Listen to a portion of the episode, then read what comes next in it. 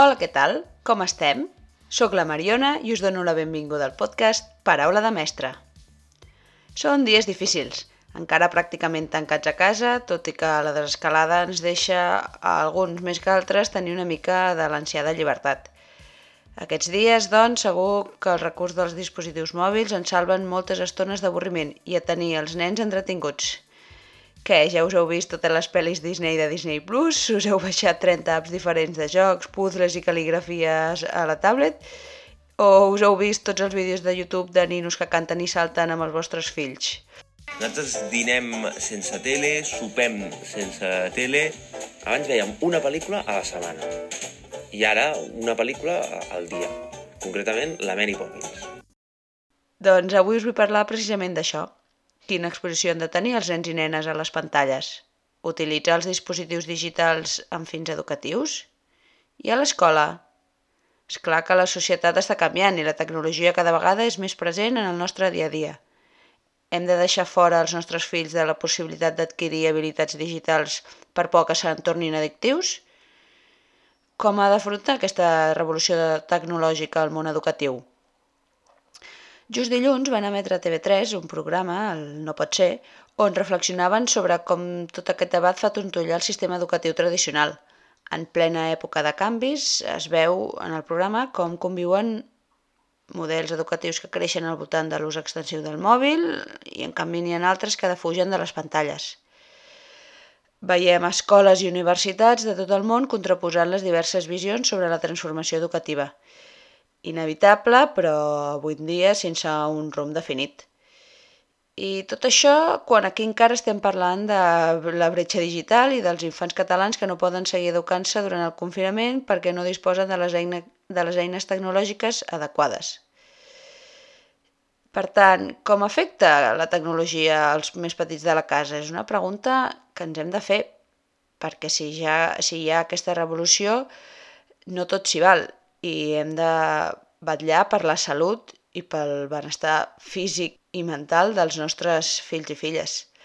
Doncs, com segur que ja imagineu i la vostra consciència de bona mare i bon pare us recorda cada dos per tres, tenir el nen o nen enganxat tot el dia a la pantalla no és la millor estratègia a seguir aquests dies de confinament.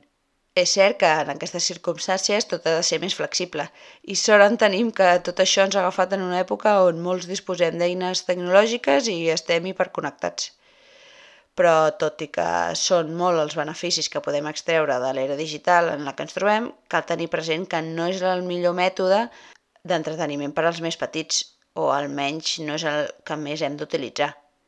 Sabem que el correcte desenvolupament dels infants requereix molta exploració espacial, en què tots els seus sentits hi estiguin involucrats – L'Organització Mundial de la Salut recomana que els menors d'un any no consumeixin res de pantalles i fins als 5 anys cap infant hauria de passar més d'una hora consumint continguts en un dispositiu.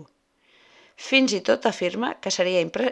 que seria preferible que hi passessin menys temps encara, menys d'una hora. Actualment, els nens i nenes de 3 a 6 anys és veritat que viuen envoltats de molts dispositius digitals. A casa tenim tele, tenim tablet, tenim ordinador, els mòbils, i per a ells aquestes eines són, són d'ús habitual i els resulten molt motivadores.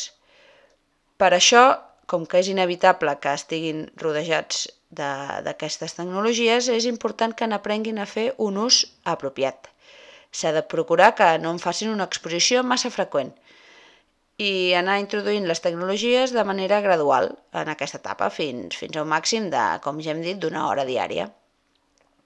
En qualsevol cas, cal que ho facin sempre sota supervisió i se'ls acompanyin en el procés d'aprendre a utilitzar-les, insistint que a més de jugar-hi i entretenir-s'hi, poden també utilitzar-se per aprendre.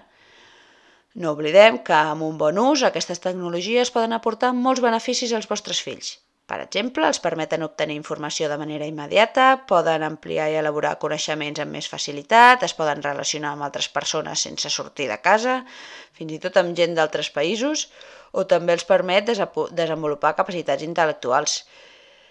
Hi ha moltes apps, moltes eh, eines que estan obrint camí a noves maneres d'accedir a la informació, permeten fer activitats doncs, eh, relacionades amb habilitats cognitives, hi ha molts, molts jocs que, que desenvolupen la memòria, que treballen l'associació d'idees o l'atenció, també altres activitats relacionades amb la introducció a la lectura i l'escriptura o les matemàtiques, la música, l'expressió plàstica. N'hi ha totes les que vulguem. Però compte, perquè, com hem dit abans, no tot és positiu. És important ser conscient que, sense un mínim control, els dispositius poden crear dependència i allà de l'entorn.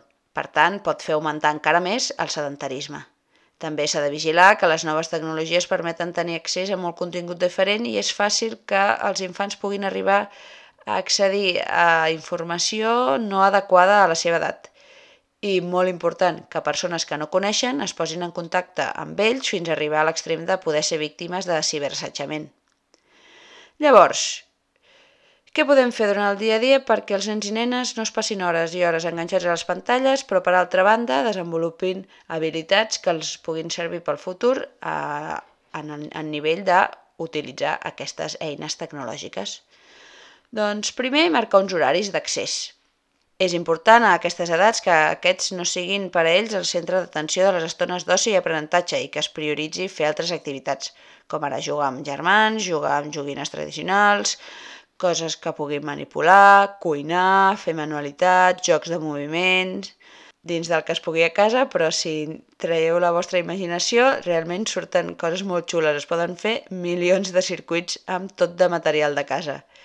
També podem escriure, pintar, llegir, mirar contes... Soc conscient que tot això és més fàcil de dir i molt més difícil de portar-ho a la pràctica i que, com tota la vida, ara més que mai s'ha de ser una mica flexible però com que vindran temps millors i tot això passarà, cal recordar-nos que estem educant ara també els nens i nenes i hem d'intentar fer-ho el millor possible. No ens en oblidem. Però i l'escola? Quin paper juga en aquesta revolució tecnològica? El Covid ens ha fet adonar que és incontestable que el món cada cop està més digitalitzat i els sistemes educatius s'hi han d'adaptar d'alguna manera, especialment en la situació de confinament actual. Educar amb tecnologia és una opció per a alguns. Educar en l'ús d'aquesta tecnologia n'és una altra per, per altres escoles. I una tercera alternativa passa per evitar completament qualsevol dispositiu i pantalla, almenys durant els primers anys de desenvolupament dels infants. Aquesta manera d'educar és la preferida dels mateixos que estan desenvolupant justament aquesta tecnologia. És curiós perquè el programa de TV3 que us he dit anteriorment, el No pot ser, que es va emetre dilluns, dia 18 de maig, eh, mostra com, que el, com el bressol de la tecnologia i la innovació occidental, el Silicon Valley a San Francisco, està vivint una revolució cultural que, entre altres coses, aposta paradògicament per una educació per als nens i nenes lluny de les pantalles. És molt cridaner descobrir que les persones que pensen, dissenyen, construeixen la tecnologia omnipresent que ens acompanya durant molta part del nostre dia, des de que ens sabem fins que ens posem al llit pràcticament, doncs s'esforcen per evitar que els seus fills passin masses hores utilitzant les seves pròpies creacions. Veient tantes maneres de fer i educar, què és millor? Eduquem i farcim les escoles de tecnologia per preparar els nens i nenes pel futur o millor els protegim dels efectes perjudic perjudicials d'estar enganxats a les pantalles? El que és clar és que els infants més petits han de tenir temps per aprendre i desenvolupar-se a partir del joc actiu i el moviment, com ja hem comentat anteriorment, i mica en mica anar descobrint que mitjançant les eines digitals es pot descobrir el món.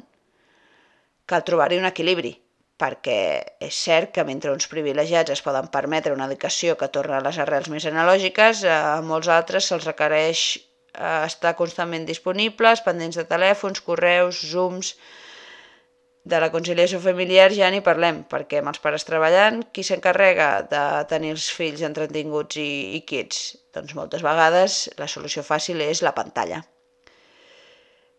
Doncs, com deia el doctor en aquella mítica sèrie de TV3 Dinamita, reflexionem-hi, si plau. Pensem una miqueta en quina ha de ser la millor manera d'educar els nostres fills, tenint present que el món va cap a utilitzar les tecnologies per aprendre, però per altra banda és important no oblidar-nos que un nen i una nena han de moure's i han de jugar per desenvolupar-se de manera sana.